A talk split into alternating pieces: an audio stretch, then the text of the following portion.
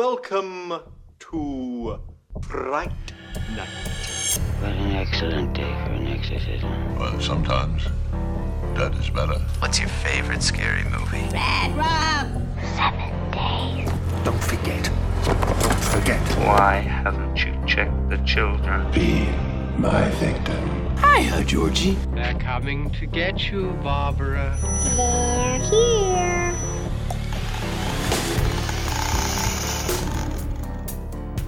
Hej og velkommen til endnu en episode af Gysergutterne. I dag er det episode 47. Det er ikke rigtigt. Ah, satans. 46. Vi har lige snakket om Vi det. har lige snakket om det. Ah, okay, det, så er det episode 46. Fint nok. Okay, Joachim, Ja. så bestemmer du altid. Okay, Så ja, hopper ja. vi ikke over episode 46. Ja, jeg sidder jo her med Joachim Jelle. Hej Joachim.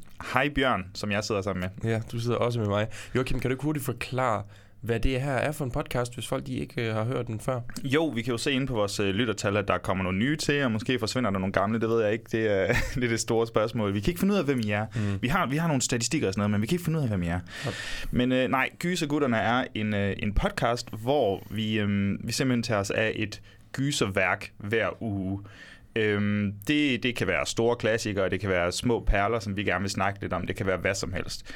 Men nogle gange så hænder det jo også, at vi, øh, vi laver nogle andre ting. Vi har også et andet format, der hedder Dør i Grin, hvor mm. vi indtil videre så har vi oftest taget fat i sådan en 80'er snasket 80'er film, hvor vi virkelig har, har grint af den. Det kan være en slasherfilm, eller det kan være Chopping Mall, som vi også har taget fat i. Ja. Og, og så er der det fordømte afsnit 4.com. Ja, 4.com. 4.com! Hvor vi startede ud med at tro, at det kunne være sjovt, men det var det diametralt modsatte. øhm, derudover har vi også nogle uhyggesnak-afsnit. Mm. Det er, hvor vi enten anmelder noget, eller så snakker vi bare lidt om, hvad har vi set i løbet af det, det sidste stykke tid. Mm. Øh, det er mere sådan et chill-afsnit, hvor vi bare meget løset og snakker, hvor det går ud på, at vi vil prøve at redigere så lidt som muligt. Ja. Øh, og så... Øh, så har vi jo også et afsnit som i dag, som på sin vis er et almindeligt afsnit, altså det er øh, episode 46, øh, hvor vi, Vi skal et værk. tage os et værk. Mm. Men det er så et på en anden måde aktuelt værk. Det er ikke engang en film, det er en tegneserie. Vi har haft det her format en gang før, mm. øh, med, med videovold og 80'er snask fra forladet afkom, mm.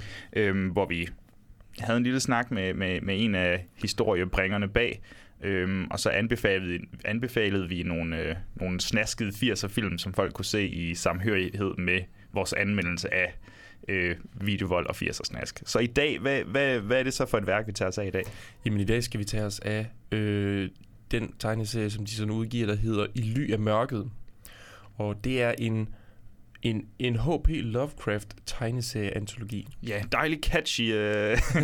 det er bare nemt at sige. Nå, hvad har Ja. du læst her på det sidste? Nej, men jeg har læst en H.P. Lovecraft tegneserie-antologi. Ja. Øhm, det er rigtigt. Den har vi fået øh, tilsendt sådan nogle fine anmelder-eksemplarer af, og så, øh, så må vi øh, gå i kødet på, øh, på øh, ja, alt, alt muligt H.P. Lovecraft. Ja. Inden det, så vil jeg lige til det kedelige. Øhm, det har været en, vi går jo ind i november måned, mener jeg, når det her afsnit kommer ud. Mm. Øhm, forrige måned, oktober måned, er, har været en tumultarisk på en eller anden måde øh, måned. Vi har virkelig, føler jeg, snakket om mange forskellige ting, mm. og det har været nogle store projekter, både asi- Mange titler. mange titler. Ja. Asiatisk gys, og har jeg skrevet i mine noter her i lille parentes. I må gerne lytte til afsnittet om Train to Busan. Ja. Vi synes, det er et virkelig godt afsnit, og, og det får ikke så meget kærlighed i forhold til nogle andre, som for eksempel uh, top 5 asiatiske film, eller gyserfilm, nu gjorde jeg det igen, uh, men også vores uh, Halloween-afsnit, som er blevet mega populær. Det er vildt dejligt. Ja, det, jeg forstår ikke. Det kom bare ud af det blå. Ja. Så er, der sådan, så er det stagneret lige en uges tid, mm. og så bum, okay, nu vil folk gerne. Det er nærmest, nærmest som om, at der har været sådan en, en højtid, der, der har haft noget med det at gøre. Ja. Det ved jeg ikke. Hmm. Yes. Så skal det også siges, at, øh, at vi er at finde på Instagram, mm. øh, hvor vi hedder Gysegutterne underscore, på Facebook, hvor vi hedder Gysegutterne podcast, og på iTunes, der må I gerne gå ind og give os en fem-stjernet anmeldelse og skrive, hold kæft, hvor er I nice, og Bjørn, han er nederen. Ja. Det, hvis jeg kan få omkring 3-4 af de slags kommentarer, så vil det være perfekt. Ja. Derudover, Bjørn, så, så laver jeg også lige en sned i en her, mm. og så plukker jeg faktisk min anden podcast, fordi vi har lige lavet et afsnit, et kæmpe afsnit, som jeg føler kunne være rele- relevant for mange mennesker. Mig og Mikkel Abel, som han hedder, vi har lavet et tre timers afsnit om Wes Craven. Vi har snakket om alle Wes Cravens film, inkluderet Bjørn. Ja, du søger i din hjerne The Fireworks Woman af Abe Snake, hans softcore den pornofilm. Hedder den ikke Angela is the Fireworks Woman? Det tror jeg, den hedder begge dele. Jeg Nå, tror, den okay. hedder mange titler, afhængig af, hvor du har opstået den henne. Men øh, den snakker vi blandt andet også om. Den har jeg skam fået set. Så hvis man har lyst til at dykke ned i hele Wes Cravens oeuvre, alle hans film, og hvem han var som, øh, som filmskaber, jeg kan jo sige, han følte sig lidt øh, indelukket i gysergenren. Han vil gerne lave alt muligt andet, men af en eller anden årsag, så, så hang han ved der. Mm. Og det er jo lidt tragisk, men det tager vi også også af, ja. Så det var, det var en lille, en lille plok der, det må man gerne. Men øh, vi øh, begynder med, med at snakke lidt løst om øh, H.P. Lovecraft, hvem han er, vores forhold til ham. Bagefter går vi over i en anmeldelse af I ly af mørket. Og så kommer vi slutligt med tre anbefalinger hver. Det var det, vi endte på, ikke? Jo. Ja. Øhm, til H.P. Lovecraft inspireret øh, film. Nogle af dem kan være deciderede filmatiseringer, andre kan være ja, filmat- film, der låner af Lovecraft-universet eller stemning, eller et eller andet, vi i hvert fald skal argumentere for er Lovecraft-agtigt. Øhm, det kan også være bredere end film. Jeg ved, i dag har vi taget nogle, øh, nogle trumfkort med, mm. øhm, som vi også øh, glæder os til at snakke om. Jeg tænker, vi øh, nu smider jeg en breaker på, og så, øh, øh, så snakker vi lidt om Lovecraft.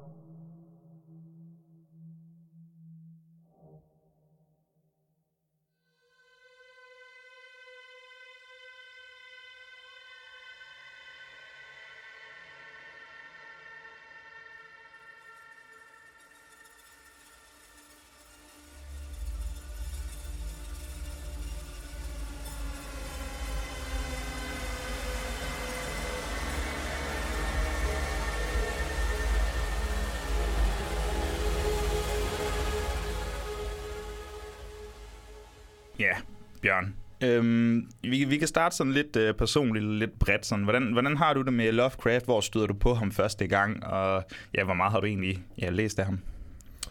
Øhm, han, han har jo skrevet en, en pæn portion øh, kortere historier. Ja, Det er ikke sådan nogle og der sidder du og King. smiler kæmpestort. Åh, oh, det er ikke The Stand. Det kan jeg godt lide. Øh, det er meget mere overskueligt for mig.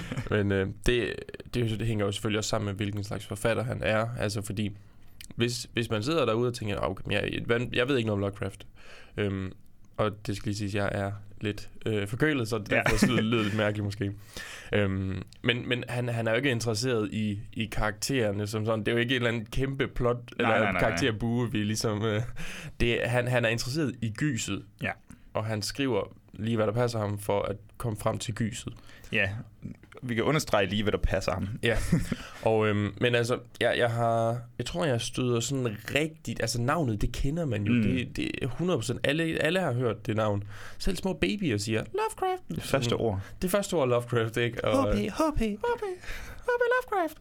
Og øhm, jeg tror, første gang jeg sådan rigtig støder på det, det er over på den podcast, der hedder Han Duo, Hmm. hvor de ligesom tager sig af øh, noget Lovecraft, og øh, jeg tror faktisk også, der er en, der læser The Shadow over Innsmouth op i podcasten, og Okay. jeg bliver meget øh, fascineret af, af det her. Og øh, ender med at, at simpelthen købe en bog, som du En har flot, set. flot uh, samling derovre. Ja, øhm, så, øh, og så begyndte jeg at læse lidt i den.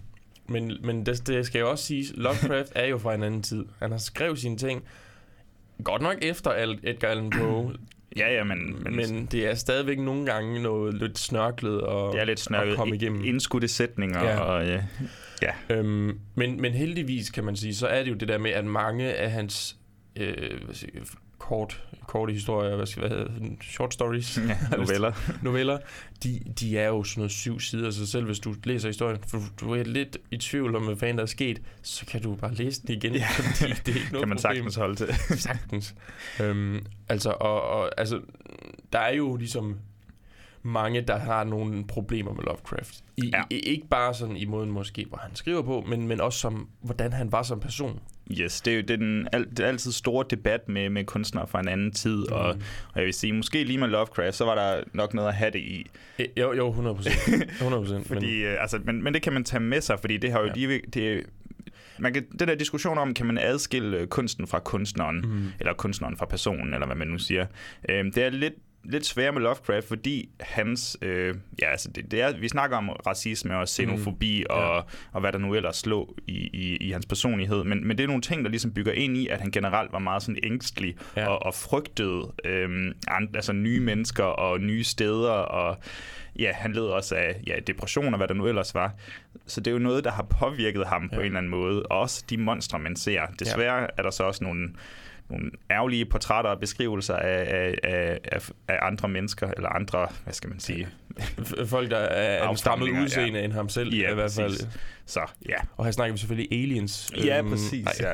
Han, er, han er racist, men, fordi han bryder sig ikke om ja, kosmiske monstre. Ja. Lige præcis, men det er jo, det er, og det er jo så det, hvis man, hvis man har læst noget af det og tænkt, det, det tror jeg sgu ikke, jeg er fanget. Hmm. Ofte så er det de der, de fremmede, som, han, øh, som er monstrene, de er simpelthen bare en eller anden form for analogi for en eller anden befolkningsgruppe, han ikke kunne lide. Ja, nogle gange så mener der er sådan nogle kultister, eller nogle, nogle, nogle kultmennesker, som også bliver beskrevet sådan ikke, ikke så godt. Nå. Men nu har jeg altså ikke læst alt af ham overhovedet. Nej. Jeg har virkelig...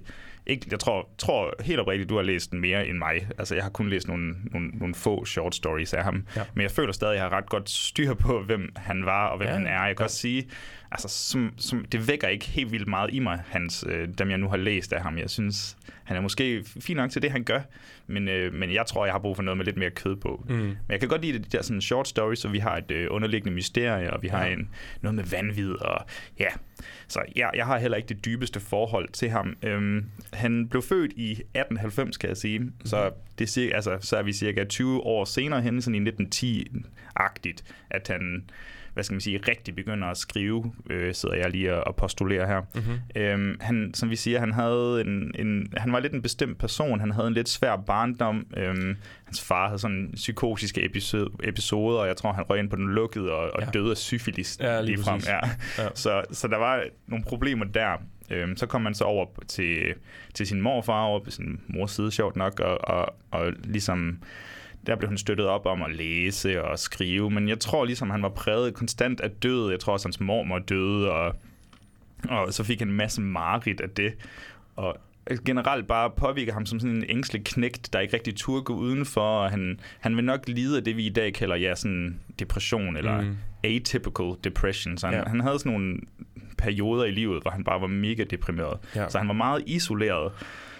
Isoleret. Isoleret, og det, øh, hvad skal man sige, det, det påvirker jo også ret meget. Eller det kan man mm. i hvert fald trække tråd til hans øh, forfatterskab. Og det, det er sjovt ikke, det, altså nu, nu er det ikke fordi, jeg skal lave lighedstegn mellem ham og Stephen King, men Stephen King har jo også snakket om det der med, da han var barn, der var han, han siger, han var meget syg.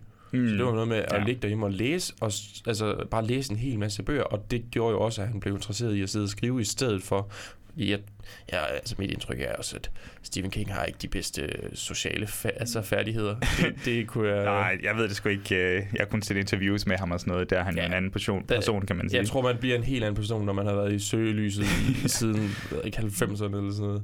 Tænker Så. også. Øhm, jeg kan sige, at, øh, at i hans tidlige forfatterskab, øh, der skulle der vist være sådan noget rimelig racistisk... Øh, øh, poesi. Mm. Der er en, der hedder New England Fallen, som skulle være ret slem, og så er der den øh, meget beskidte titel her, On the Creation of Niggas. Ja. Øhm, ja. De, de blev vist ikke øh, publiceret, kan jeg sige, men han har, har i hvert fald skrevet den. Ja, men øh, nu, nu skal jeg lige tænke mig om, fordi jeg kan huske for lang tid siden, der gravede jeg mig virkelig dybt ned i Lovecraft, for jeg synes, det var spændende. Mm. Øhm, han fik ikke rigtig udgivet det helt store, mens han var i live, så vidt jeg husker.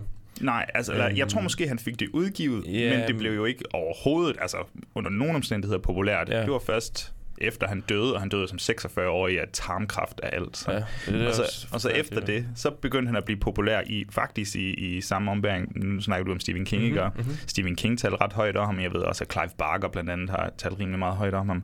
Så, så der er kommet sådan en kæmpe opblomstring af Lovecraft. Han er ja. jo nærmest større nu, end han nogensinde har været før. Det, det tror jeg helt klart også. Altså, mine, ja.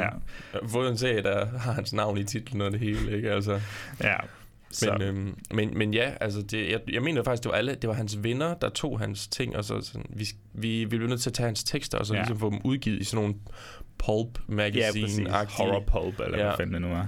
Øhm. Oh, nu kan jeg ikke huske, hvad de hedder. Der, jeg tror, der er et eller andet bestemt magasin. Ja. Det, der er nogen, der lige må skrive til os, øh, nu når vi ikke kan huske det. Men hvem var, altså, nu har vi snakket lidt om personen. Hvad, mm. hvad vil du så sige, hans øhm, forfatterskab er kendt for? Altså, hvilke historier har han skrevet, som, som ligesom har imprintet sig i, i populærkulturen? Øhm, Altså ikke nødvendigvis titler, men bare hvilken slags øh, fortællinger. Øh, jamen, det, det, det er sjovt ikke, for jeg føler, fordi han jo er sådan en, en gammel, øh, altså det er så lang tid siden, det er jo ikke science, sådan noget øhm, øh, Verne science fiction, Nej. vi har gang i. Eller H.G. Wells. H.G. Wells, altså du ved, vi, vi, som udgangspunkt er det jo nærmest altid udgangspunkt i vores verden, hvor der er nogen, der møder et eller andet, og det vil jo, så- altså de fleste vil nok kende de her ta- tentakelmonstre, Mm. Cthulhu. Ja. Cthulhu-myten, som han jo ligesom har, har skabt. Og jeg mener faktisk også, er det, er det ikke Necronomicon, Jo, det tror jeg. som han også, og den vil de fleste nok sådan lige tænke, det er sgu da Evil Dead. ja, ja. Men det er så Evil Dead, der har så hævet den fra, øh, fra Lovecraft. Altså igen... Det er også et Love- godt navn, Det- Necronomicon. Necronomicon, ja. Og øh, altså, jeg, jeg kan ikke understrege, hvor dybt Lovecraft, han bare sidder i så meget populær kultur. Ja. Selv om man ikke ved det, altså fordi jeg har virkelig undersøgt, altså nu her op til i dag, vi skulle lave de her anbefalinger, der går nok mange ting, hvor jeg sådan tænkte, det der, det der er ikke Lovecraft, men så har jeg tænkt over det sådan, Mm. jo, det er det faktisk. På en eller anden altså, måde det er her det, er ja. faktisk inspireret af Lovecraft i allerhøjeste grad. Det kan godt være, når man ikke ser titlerne, så Ja. tænker man ikke, okay, 100% Lovecraft, mm. men, men du kan nærmest i, i mange dele af sci-fi horror, og hvad Ja. det nu ellers der er, så, så kan man altså se nogle, måske sådan 50% Lovecraft, eller nogle små inspirationer, Virkelig. ikke? Jo. Ja. Og der føler jeg altså, i, i min optik, der overgår han øh, Edgar Allan Poe mm. Mm. markant, fordi Edgar Allan Poe er, er mindre tilgængeligt. Altså, men det har også noget med sindssygt at gøre, men, men det er på et meget mindre plan. Ja. Hans, hvad hedder det, Lovecraft er meget mere øh, skal vi sige, eksistentialistisk, og, og bare det der hele universet hiver han bare lige med ind ja det, i, i sin historie nærmest. Og det tror jeg, det er godt at få på plads, det der med universet og rummet mm. og, og det kosmiske, fordi der er jo et term, eller en term, der er blevet smidt på ham, og det er den her kosmiske horror, Ja. at vi som mennesket, vi, vi har nogle regler for, for ja, vores jordklode, og hvordan man kan agere her, og, og hvad vi kan forestille os, vi kan se. Ja. Når vi så lige pludselig bliver konfronteret med noget, noget, Noget anden udefra, verden, ja. ja. noget udefra, noget, noget kosmisk, Mm. så, så, så ofte i hans øh, værker, så, så destruerer det hele vores øh, virkelighedsgrundlag, Ja. øh, grundlag. og, så, og så ofte så leder det jo til en eller anden form for sindssyg. Det bryder jo alle de regler, vi, vi kender. En af de øh, film, vi har taget os af, The Thing, Mm. den tænkte jeg, det, det var sådan en, der, stod, hvor, hvor der dukkede op på de der lister, hvor jeg egentlig tænkte over det. Jeg tror heller ikke, vi nævnte Lovecraft, dengang vi lavede episoden. Ej, det kan jeg ikke huske. Men jeg kan sagtens se i nu her, at den er Lovecraftian. Og, jeg, og det, man skal huske at tænke på selvfølgelig, det er, at forfatterne af alle de her forskellige ting har jo ikke sat sig ned og så bare været sådan, nu skriver jeg noget Love- Lovecraftian. Det, det ligger bare sådan i deres... Ja, øh, hvis de nu har læst en, som er blevet inspireret af, eller lige præcis. fået, fået en anden version Altså, af. Ja. Så, så sådan noget som, som The Thing, selvom man ikke tænker over det, det er også Lovecraftian. Helt utroligt Lovecraftian, Det er det, og, og det er jo ikke fordi, vi kigger så meget ud af der på en eller anden måde. Det er en ting, der er kommet ned på ja. vores jordklode, og så skal vi konfrontere det. Og den er jo så fed, fordi den netop formår at skildre det ubeskrivelige. Mm. Og det er også et element i hans forfatterskab. Det ubeskrivelige. Ja. Ja. Det, det monster, vi ofte får at se, eller som vi netop ikke får at se, Ja. det, er, det er ubeskriveligt, og det skaber en eller anden sindssyge i mennesket. Og det er jo, det er jo ret spøjs. Nogen vil jo nok sige, det er sådan lidt... Ah, HP, Det- kunne du ikke bare have beskrevet det i stedet Ja. for? Ja. er du bare doven nu, eller hvad foregår der? Jamen, jamen og, og det, er, det er jo lidt sjovt, det der med, du ved, sådan, åh, det var forfærdeligt. Hvor forfærdeligt var det? Ah, det må du selv... Det, den- Forestil dig det mest forfærdelige, du kan forestille Og så er det det. Ja, det er det. Åh, oh, Ja. det lyder forfærdeligt. Den er godt nok slem. Men ja, og, og der kan man sige, der er det så lidt ironisk, at vi så skal til at tage fat i en tegneserieantologi, Ja. for der er jo nogen, der så prøvede at, ligesom at, at billedliggøre de her forfærdelige øh, ting, som han egentlig ikke beskriver ja. øh, i sådan så stor grad. Det er mere bare sådan, øj, det var godt nok forfærdeligt. Det, det er ret Okay. spændende, når vi, når vi kommer til at skulle snakke om. Ja. Jeg kan sige, at hans... Øhm, et andet perspektiv, det er også, hvad var han så inspireret af selv som ung? Hmm. Mm. Og det var ikke nødvendigvis andre forfattere i, i så stor grad. Det var faktisk meget sådan øh, samtidig mm, teknologisk udvikling og videnskabelig udvikling. Mm. Mm. Og ja, han var også bange for havet blandt andet, som Det måske giver mærke. god mening, hvis der ja. er de her tentakelmonstre. Ja. Så, så, og det er jo også noget, der ligesom popper op i ja, netop monstrene, men det ser vi også i, nu nævnte du jo The Thing, og det er jo Mhm. netop det her monstre, der skildres, som om det jo kom udefra, har været på adskillige forskellige planeter, og har samlet et eller andet samsurium af, af forskellige kreaturer. Ja. Ja, ja, og altså, inspireret, og selvfølgelig også inspireret af det med sin far, som jo var jeg, jeg kunne sindssygt, øh, eller var sindssygt, det ved jeg jo ikke, det formoder jeg, han var, når han ligesom var sådan nogle steder, men altså, man kan se, man kan godt påpege ligesom, nå okay, det er det her, der har formet ham mm. i hans liv. Og det, altså, det har bare, altså det, det har skabt skole, simpelthen, Ja. at øh, det han har lavet, og, og de oplevelser, han har haft med sig. Det, så det er jo på sin vis fedt nok, men jeg tror, han har haft et hårdt liv. Ja, det tror jeg også. Især, ja. som jeg sagde, han døde som 46. Han blev gift i, i, i 1921, mener jeg, med, med... Nej, det er ikke rigtigt. 24. Jo, 24 måske, ja. Gift med hende her, Sonja Green. Hans mor døde i 21, Ja. var det sådan. Øhm, og det tog han jo sjovt nok også ret hårdt, altså at hans mor døde, ikke at han blev gift. Men det her ægteskab, det gjorde faktisk, faktisk lidt, at han blomstrede op som person. Han blev lidt mere ekstrovert. Jeg ved ikke, Ja. hvor ekstrovert han blev vel, Mm. men han kunne faktisk begå sig lidt mere med andre mennesker i, altså fordi han måske fik lidt hjælp af sin kone, tænker jeg. Øh, og derudover så øh, kunne jeg sådan læse mig frem til, at hun sådan nærmest bare stop fodrede, fodrede ham med mad. Han, han tog virkelig mange kilo på, efter han fik en, øh, en kone til at lave mad for ham. Nu, nu bare, ja, i mit hoved, der har jeg lyst til at sige, at hun var hans kusine, men det er ikke rigtigt, vel? Okay, det ved jeg ikke, det har jeg ikke lige... okay, øh, jamen, det er nok det kan ikke- godt være. Det er nok, Eller- det er nok en anden gammel forfatter, jeg har hørt eller om Ja. ja. så i stedet for. Jeg synes bare, jeg kan huske et eller andet med, at han, sådan, han var meget sådan social akavet, og så han egentlig nogensinde... Altså, jeg, jeg, jeg, jeg synes også, jeg kan huske noget med, at folk de var sådan, de spekulerede lidt i, om han måske ikke faktisk døde som jomfru. Okay. At, at, det det der med, at det var sådan lidt... Ja, øh, hvor, hvor rigtig et, et, Ja. et øh, ægteskab var det, og hvor måske var det mere bare Okay, nå, men så, så, selskabsmæssigt. ja, så øhm. dybt har jeg ikke læst ind i de der spekulationer Nej. og teorier, der Det nu er. vi heller ikke altså, jeg, jeg, nej, nej, men jeg ved også bare, at han, øhm, altså, han blev lidt bedre. Nu var han jo ret slem med, Mm. med racisme og xenofobi, og det var faktisk ret udtalt, især når man kigger på, øh, på nogle af de ting, han har skrevet. Han har skrevet tusind breve eller sådan noget til, til diverse mennesker, Mm. og, øh, og der kan man jo meget nemt Ja, finde nogle ting. Men han blev lidt bedre, lidt mere, jeg vil ikke sige progressiv, men lidt mere åben, jo ældre han blev. Mm. Øh, hvilket er sådan en lille, hvad skal man sige, silver lining i, i det hele. Ja. Ja, jeg ved ikke, øh, er der nogle pointer, du vil lave her til sidst? Jeg tror, den slags, jeg føler, der er sådan to øh, grupperinger af Lovecraft-historier. Ja. Øh, den ene er ofte sådan en kosmisk øh, horror, Mm.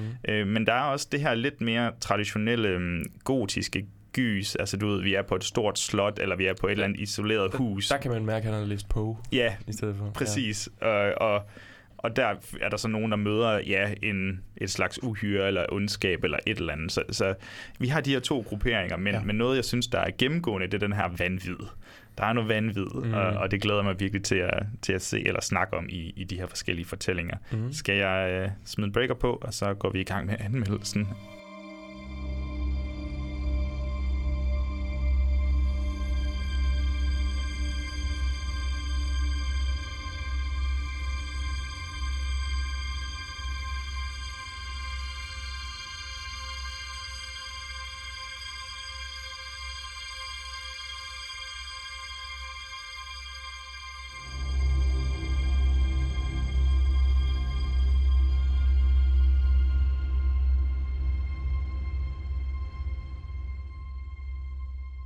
Godt. For lige at få noget kontekst på bordet her, Bjørn. Altså, hvor- hvordan er de her flotte tegneserier, øh, antologier, hvordan er de lige dukket op i vores øh, hænder? Øh, jamen, det baserede jo så på, at vi for brrr, to måneder, tre måneder siden, Ja, tre måneder aktivt, tre måneder siden, øhm, fik fingrene i en anden tegneserieantologi, den der hed 80 fold og Videovold. videovold og 80 Der var den. 80 fold og video. ja, lige præcis 80 vold og video. Nej, skal det? Prøv lige at sige det igen. Videovold og 80. Videovold og 80. Jeg bytter rundt på det. Det er simpelthen Ja. ja. for. Videovold og 80 snask. Fra øhm, det forlag, der hedder Afkom. Forlaget Afkom. Ja. Og øhm, det var vi jo sådan set ret tilfredse med. Den, øh, både episoden, men også bare øh, selve hvad hedder det, tegneserien. Ja. Det var virkelig, jeg kan huske, jeg, jeg grinede højligt, da jeg læste den. Ja, nej, men det var, en, det var en fed oplevelse. Ja. Øhm, vi har sjovt nok lavet et afsnit om det, og vi har et lille interview med, Ja, med Bjarke Friis Christensen. Hvis også. man ikke har hørt det, så skal man da være meget velkommen til at gå tilbage. Jeg, jeg synes, det er meget godt. Jeg synes også, det er super godt. Der kommer vi også med en masse anmeldelser til 80 snask. Mm. Øhm, så øh, det, det, det afskrækkede os jo overhovedet ikke, øh, og vi, vi snakkede med, med ham her, Anders, der, der er vist øh, leder forlaget, mm. øhm, og han sagde, jo, men jeg har måske noget mere til jer. Jeg ved, der kommer et øh, sådan anden udprint eller second print af, af vores øh, H.P. Lovecraft tegneserieantologi, og vi var sådan, åh, oh, horror. Horror. Det passer, Det er lige passer sgu skide på godt. Ja, det, det gør vi. Mm-hmm. Øh, og så har vi fået den her, og vi har simpelthen ikke haft tid. Vi har haft den i lidt tid nu, skal vi sige. Mhm. Vi har ikke lige haft tid til at smide den ind på programmet nu, fordi Ja. vi, vi prøver at planlægge så god tid som muligt. Øhm, ja, øh, det er ni fortællinger Mhm. mm-hmm. i varierende længde, øh, baseret, inspireret af nogle deciderede Lovecraft-fortællinger. Ja. Kendte du alle fortællingerne, inden du, øh, du begyndte? Øhm, jeg havde læst nogle af dem, fordi dengang jeg fik min store øh, complete collection der, så var jeg sådan, at jeg læser lige en øh, novelle, inden jeg går i seng hver aften. Ja. Det, ja, det holder aldrig. Jeg er virkelig dårlig til det, øh, fordi jeg, så sidder jeg og laver noget andet, så lige pludselig er jeg bare fucking træt, så går jeg Ja. i seng. Øhm, men jeg havde læst nogle af dem, og så, øh, og så har jeg selvfølgelig hørt titler. Jeg tror, at alle de titler, der er næsten her i, i den her antologi, har jeg hørt. Øh, det kan være, at vi måske skal nævne dem. Ikke fordi vi skal gå ind i, hvad, hvordan det er blevet øh, portrætteret i de her Mm. tegneserier. For jeg synes faktisk, det, det er ret spændende. Men de er, den første er Dagon, Rotterne i murene, Udyret i grotten, Den frygtelige gamle mand, Randolph Carters erklæring, Kattene i Ulthar, Billedet i huset, Farven fra rummet og Pigmans model. Ja, jeg, jeg kan personligt sige, at der er måske tre stykker, jeg har hørt om. Okay. Øhm, ellers, men det kan være, at det er de danske oversættelser, der måske ikke lige... Det ved jeg ikke. Jeg har ikke styr på det. Jeg har virkelig Ja. ikke læst ret meget. Nej. Øhm, farven for rummet er nok den, der er blevet filmatiseret flest gange, tror jeg. Det kan jeg sagtens Ja, så, så den vækker måske genklang. Den Mm. blev filmatiseret så sent som i 2019 af... af Richard Stanley. Ja, tak. Hvor Mm. Nicolas Cage spiller en ja, Donald Trump-agtig person. Nå. Når først han bliver forvandlet. ja. Øhm, ja, godt. Så, så det er nogle, du vil sige, som en lidt øh, øh, H.P. Lovecraft-kending, så, øh, så er der nogle af dem, eller så er der mange af dem, der faktisk er genkendelige. Ja, Jeg vil sige, som, som en lidt mere amatør på området, så er lige en lille, lille bitte håndfuld, jeg, jeg kan ikke genkende til. Ja. Så jeg var, jeg var meget øh, forberedt på at blive øh, overvældet Mm. af diverse fortællinger, og jeg vil sige, jeg var sgu, øh, jeg var sgu ret godt underholdt her. Ja. Hvordan var, hvordan var din oplevelse? Jo, men jeg prøvede jo faktisk at starte ud med at sige, okay, nu øh, der var nogle af dem, jeg ikke havde læst øh, før. Så læser jeg lige historien fra Lovecrafts egen mund, og så læser jeg lige, hvordan de har fortolket det, fordi ja. Det er vidderligt. Altså, du kan godt du kan godt sidde og mangle et eller andet, når du har læst Lovecrafts historie, fordi det er, det er lidt noget snørklet noget nogle gange. Men øhm, du, du skal tage din tid, lad os sige det sådan. Og øhm, jeg endte med at gøre det måske med de første 3-4 historier, og så vil jeg bare hellere læse Ja. tegneserien, for jeg synes, det var så meget federe. Altså, det var virkelig øh, en helt anden øh, oplevelse, og det, det er mærkeligt at sige, fordi tegneserien er jo nogle andres forestilling om, hvordan historien er. Men, men jeg tror, at det, der var, jeg godt kunne lide ved det, det var, at jeg kunne følge mange af de første tre, der var sådan, jamen det her, det var meget sådan, jeg havde forestillet mig det. Og de har jo nogle forskellige tegnestil, de her øh, forfattere. Ja, De- jeg tror, det, det jeg synes, der var øh, fedt ved tegnestilene og selve, mm. hvad skal man sige, øh, selve tegneserieantologien her, det er, at øh, det hele, det er jo et oplagt valg på en eller anden måde, fordi jeg tænker også, man sparer penge, hvis det ikke er i farve, men det Mhm. passer bare så godt i Lovecraft-universet, at 100%. det hele er sort-hvidt. Ja. Øh, det, det er simpelthen så godt, du kan se kontrasterne i mørket og lyset, og, og hvad der nu gemmer sig i skyggerne, og i, i sindets skygger endda. Ja. Øhm, og så er der jo de her mange forskellige tegneseriestil, eller tegnestile. Øhm, jeg vil ikke sige, at de er lige så varierende, som det var i Videovold og 80'er snask. Nej. Jeg synes stadig på sin vis, at der er noget gennemgående her, Mhm. mm-hmm. men, og det giver også mening i og med, på en eller anden måde, at det er en forfatter, vi tager os af, hvor 80'er snask, der, det var, det var vidderligt et helt årti nærmest med både action og... 100. Ja, så der er en ja. anderledes afspejling af, af tiden. Mm-hmm. Øhm, ja, okay. Og så er der de her forskellige historier. Ja, er der... Hvad synes, hvad synes du om, øh, om tegnestilene? Kunne du godt lide det varierende? Ja, det, det kunne jeg godt, og jeg følte, at det passede ofte, altså det var som om, de havde forstået, hvordan det passede i tegningen. Altså der er helt klart for eksempel den allerførste Dagon. Hvis Dagon var blevet øh, tegnet i for eksempel sådan en som øh, den forfærdelige gamle mand, eller Mm. den frygtelige gamle mand, undskyld. Ja. Der, der vil jeg sige, tegnestilen, den havde slet ikke været der. På, Nej, det, altså, det, det, det, det havde ikke passet sammen. Nej. De, de har været gode til at hvad skal man sige, vide, hvor deres øh, styrker mm. ligger, de her forskellige øh, forfattere. Ja. Ja. Lige præcis. Og jeg, og jeg synes også, det, hvis vi tager den første her, ikke også, Ja. den er, den er også øh, tegnet, hvor de der normalt sådan rubrikker, hvor der er skrevet ind i sådan noget, lad os, sådan åh, se derovre, eller eller Ja, andet ja. stil, ikke? så er det skrevet med sådan en skråskrift, der sådan, er lidt snørklet, man sådan lidt, hvad står der her? Det bliver som, det bliver som lidt at læse en sømands Præcis, øh, eller dagbog, ja. Lige præcis. Altså, den, den skaber stemningen rigtig fint, og det er... Jeg vil sige, det, det der så er med den her øh, hele antologien, det er, at alting er jo tegnet utrolig mørkt. Det er Mm. jo sort-hvid, som sagt, ikke også? Men det er sort, der dominerer hele tiden, og det er så fedt. Det er så indlevende, ja. Så stemningsfuldt. Øhm, jeg har set Dagon-filmen ja. af Stuart Gordon. Ja, jeg tror også, Den den er er baseret... 2001, ikke? Ja, præcis. Med, Med det dårlige med, god, CGI. med god CGI, ja. ja. øh, den er vist også baseret på The Shadow over Innsmouth. Ja. Øhm, og jeg tror måske, der er lidt forskel der. Jeg har nemlig ikke læst The Shadow over Innsmouth, så jeg tror måske, der er et eller andet, en eller anden diskrepans mellem, hvad jeg forventede af den her tegneserie-historie, mm. og hvad Okay. jeg har set fra filmen. Øh, men til gengæld svært underholdt, eller skide godt underholdt. Ja. Ja. Der er nogle fede kropsmutationer, og, og nogle af de, de ting, jeg øh, elskede fra øh, videovold og 80'er snask. Vi kan stadig, stadig se nogle ting her, for det er jo også noget Lovecraft åbenbart har gjort, det der med, med body horror, men, men ikke, ikke mega udførligt jo i mm. sit forfatterskab, men det han i hvert fald har inspireret af noget, som Stuart Gordon også har, har, har taget fint fat i, det er den her kropsforvrængning. Ja. Og det, det er fedt at se det her, at man også kan få lidt til den snaskede side, men på en meget elegant måde. Mm. Øhm, og så er der faktisk, nu, nu er det tilfældigt, at øh, historien bagefter er den, der hedder Rotterne i murene, men, men den var jeg blown away over. Mm. Rotterne i murene. Jeg synes, stilen er helt afsindig fed. Der er en detaljegrad, der er nærmest ja. usammenlignelig i, 100%. i nogle af de andre. Ikke fordi de alle sammen prøver på at være Jamen, så udførlige på den her måde, vel? Det er også det, det, Men ja, de, de er forskellige stilarter, og det, altså, jeg føler, at rotterne i murene passer perfekt, og jeg synes, de her, hvad hedder det nu, øhm, den måde, de har tegnet det på, er ofte så, så øjnene er helt sorte. Ja. Bare sådan sorte huller, fordi hvis de lige står i, ordentligt i lyset, eller sådan, i, i tegneserien selvfølgelig, ikke? Jeg, jeg synes, det passer helt vildt fedt, og der er, det er de der sådan, hvad hedder det nu, øh, det, huler, de Ja. går ind i, den måde, de er tegnet på. De, oh, Men også hvordan panelerne nogle gange, ja, nogle gange er det de der almindelige sådan, paneler, men andre gange så er det nærmest sådan nogle drømmepaneler, der smelter sammen, fordi ja. Man bevæger sig længere og længere ned i grotten, men på samme tid bevæger du dig længere og længere ned i sindet på ham her, der er ved at blive øh, lidt skingrende vanvittig, Ja. øhm, for at sige det mildt. Det, jeg, jeg, jeg synes, den er helt vildt fed. Ja. Øh, men så har vi også en masse andre, som... Øh, som tager det lidt mere roligt. Øh, hvordan havde du det med det? Nogen, der ikke prøvede at, at fuldstændig lave et uh, sort-hvidt sansebombardement? Øhm, en af dem, øh, som, som ikke er... Jeg vil ikke kalde det et kæmpe sansebombardement. Det er Udyret i grotten, Mm. som jeg kan huske, den havde jeg læst. Det er en af de første, der er i min, øh, min bog, hvor jeg bare... Altså, der sad jeg bare og tænkte, hold kæft mand, det her, det minder mig utrolig meget om The Descent.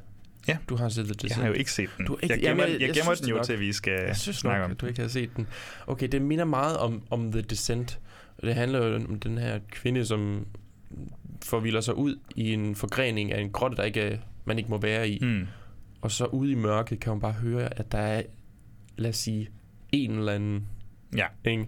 Og du ved, altså, det der så er, det føler jeg lidt med den her, det er jo selvfølgelig det der med, at hun, hun hedder hun, øhm, den er fortolket af Christine Reinvald. Øh, nu håber jeg, jeg udtaler hans navn korrekt. Øhm, der skal hun jo selvfølgelig tegne det, som Lovecraft bare beskriver meget Ja, vagt i ja. historien. Øhm, men jeg synes egentlig, hun slipper ret fint afsted med det, men jeg synes, altså det der ude i mørket, det, det er så fedt. Det er så vildt fedt, og den er også helt perfekt øh, tegnet mørk, altså Ja, hvor du bare sådan, nemlig. hun står, hun bare råber ud i en helt, nærmest helt kæmpe sort plet, og man kan bare mærke, hvordan der er et eller andet, der stiger tilbage. Et eller andet, der stiger tilbage. Og, uh. Men jeg synes, jeg synes altså, de, de, de er helt utrolig dygtige, de her forfattere, til ligesom at, at portrættere det på en sandfærdig måde, som også er sådan at respektere de originale historier lidt. Nu, Ja. jeg, jeg endte jo med ligesom ikke at læse alle historierne øhm, af god øh, grund, fordi jeg synes simpelthen, det her det var mest mere spændende, og da jeg så havde læst tegneserien, så var jeg sådan, nej, nu gider jeg ikke sidde og læse Lovecraft-udgaven og bruge øh, alle timer på det. Men øh, ja, og, altså, nu ved jeg ikke, hvordan, hvad, har du nogle øh, historier, hvor du tænkte, den her, den fangede mig bare helt Altså, der er jo, det der er med de her short stories, de her noveller eller gysernoveller, det er, de ofte til sidst skal have sådan et lille umf, en lille lige vente op og ned på det hele. Mm. Øhm, og, og det synes jeg også generelt, de er gode til. Jeg synes lige, der er en, et par gange, hvor de ikke lige rammer lige så hårdt, som jeg personligt har håbet på. Men jeg tror, øhm, en, en fortælling, der ikke nødvendigvis gør det, men øh, igen bruger mørket helt vildt fedt. Mm. Det er billedet i huset, ikke? Den er godt nok mørk. Den er så mørk. Øh, den, den er, er forfattet af, af Enmar, og jeg ved ikke, om det skal sige sådan, eller så er det N-M-A-A-R. Mm. Øhm, jeg synes, det er så fedt et valg på en eller anden måde. Jeg ved godt, det er næsten så mørkt, at man ikke kan se tingene, Ja, men du skal virkelig sidde og kæmpe, og det gør, at du bliver, sådan, du bliver nærmest aktiv på en anden måde end nogle af de andre. Ja. Du skal lede efter detaljen, du skal se i hjørnet, om, om der er noget besynderligt. Ja. Øhm, og det er også sådan, den måde alle karakterer er tegnet på. Næsten, næsten alle karaktererne ser uhyggelige ud. Ja. Også dem, der ikke skal se uhyggelige ud, altså som sådan, men de er også tegnet lidt uhyggeligt. Det er bare fucking creepy. Og så Åh. oh. altså, elsker jeg, hvordan teksten eller dialogen fra øhm, øhm, den her uhyggelige mand i huset, han, øh, at han er nærmest sønderjysk, ikke? Eller hvad fanden det er. Ja, Det, var- det var et sjovt valg, som egentlig så er sådan, ah, er det sådan lidt, måske lidt komisk, men, men det er også fedt på en eller anden måde, at ja. vi Ja. har, det føles sådan lidt øh, folk horror-agtigt ja. Ja. Øhm, i, i Danmark, hvilket er lidt spøjst, eller hvad det Ja. nu er. Altså nu er det jo sønderjysk her. Jeg, jeg, jeg, var sådan, da jeg, sad, jeg læste tegneserien først her, så var jeg sådan, har Lovecraft mon, fordi på et tidspunkt siger han noget med dansk og Danmark i den. Så jeg tænker, jeg kan vide om Lovecraft, han har nævnt Danmark i sin, men det, altså han er i den originale historie, der er han bare sådan, jeg tror han er um, fra, er han fra Irland måske i stedet for? Altså han har en eller anden mærkelig Mm. dialekt derovre okay. i Ja, stedet for. ja. Øh, så han er desværre ikke sønderjyde, hvis man så havde tænkt Lovecraft. Han har lige været forbi Danmark og høre.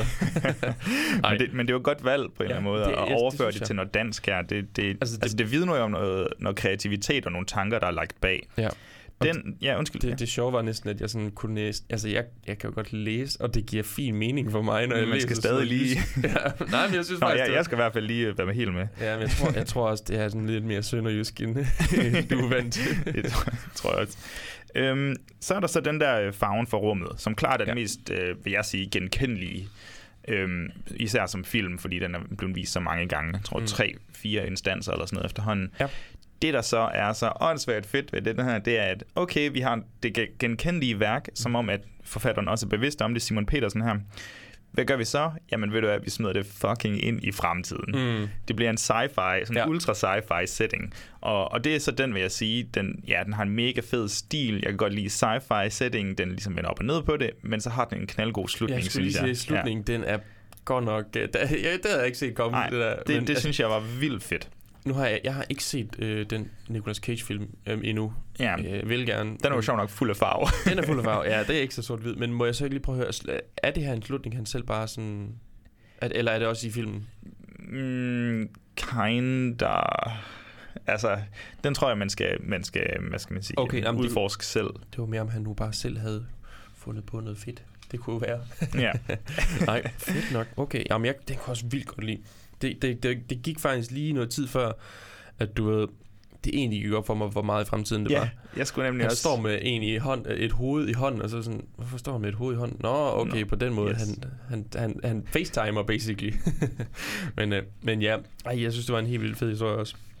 Øhm, for at spørge lidt barsk, har du nogle sådan kritikpunkter? Er der noget, som der ikke øh, overvældede dig, eller noget, du måske tænker også sådan lidt, uh, det kunne jeg godt have håbet på bedre, var bedre? Fordi jeg, jeg kan huske, vi snakkede om i Videovold og 80'er snask for eksempel, så var der... øhm, Øhm, man føler lidt, at den lånte ret meget. Det er jo sådan nogle hyldester eller homager til, til andre værker. Her er det så Lovecraft, men i Videovold, der følte man lidt, at de godt, man godt har brugt noget originalitet en gang imellem. Mhm. Sådan, man vil gerne nærmest se en ny fortælling fra den her tid. Og det er der også nogle af dem, der gjorde, og så er der nogen, der var mere Cronenberg, homager og hvad det nu ellers var. Ja. Er, der, er der noget her, som, øh, som du savner? Altså, lidt mere kreativitet. Det er som om, de alle sammen bare stjæler fra Lovecraft. Det er lidt irriterende. Nej.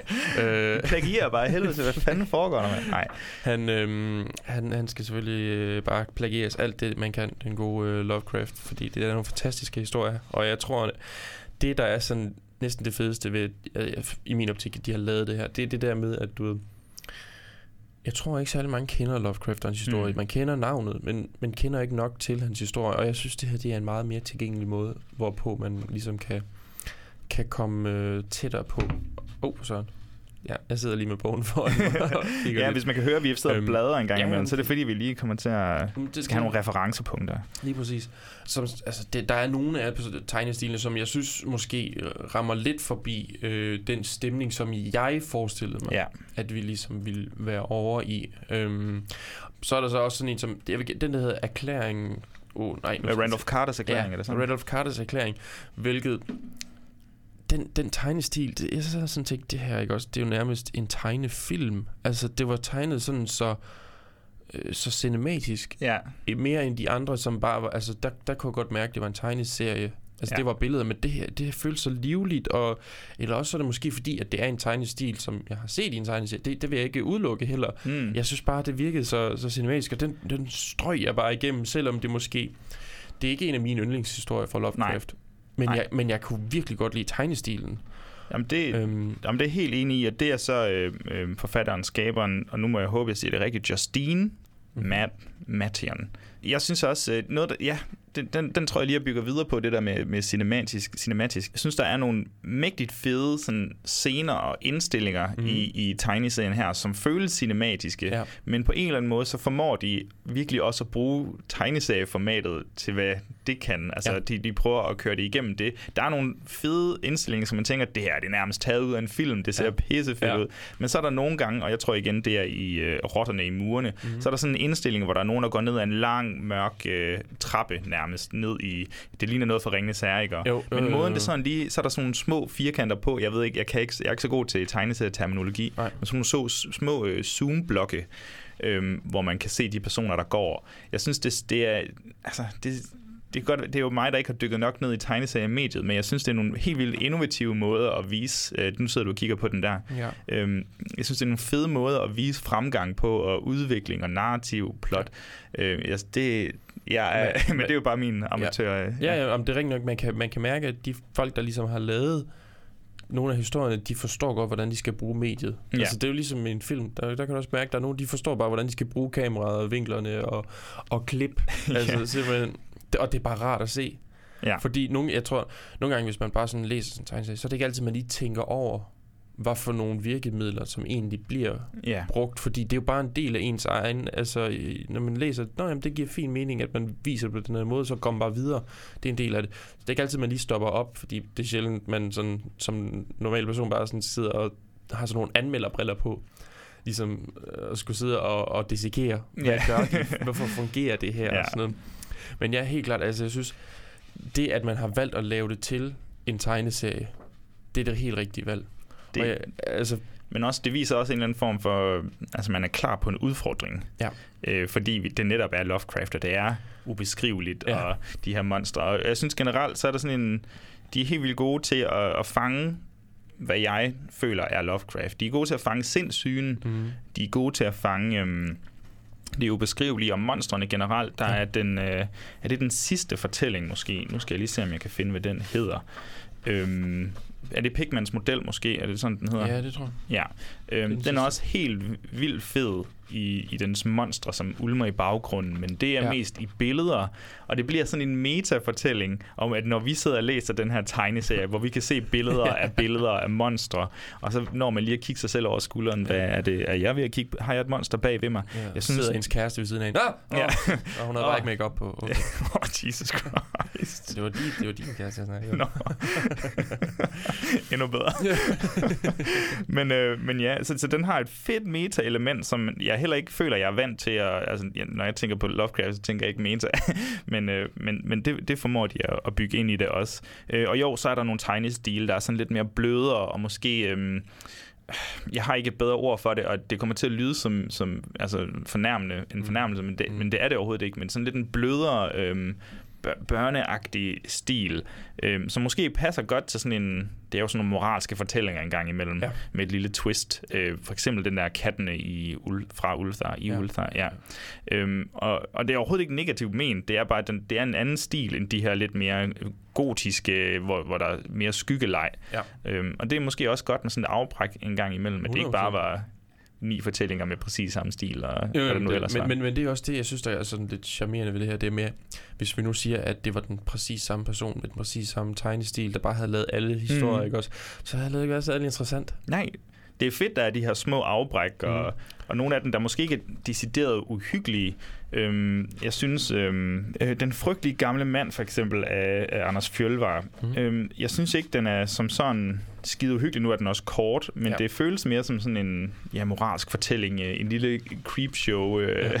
det fortælling, short den, stories. Den historie, ja, den resonerede virkelig hos mig. Altså, mm. den, den, den, den, sådan, det følte jeg, at det var sådan en historie, som man kunne genkende, der i hvert fald var blevet fortalt flere gange, det der med, og kan huske ham, den gamle skøre mand, der er her i byen her, ja, skal vi ikke lige gå hen, og så et eller andet ved hans hus, og så øh, bliver de unge mennesker, de hovmodige unge folk, de bliver på en eller anden måde straffet.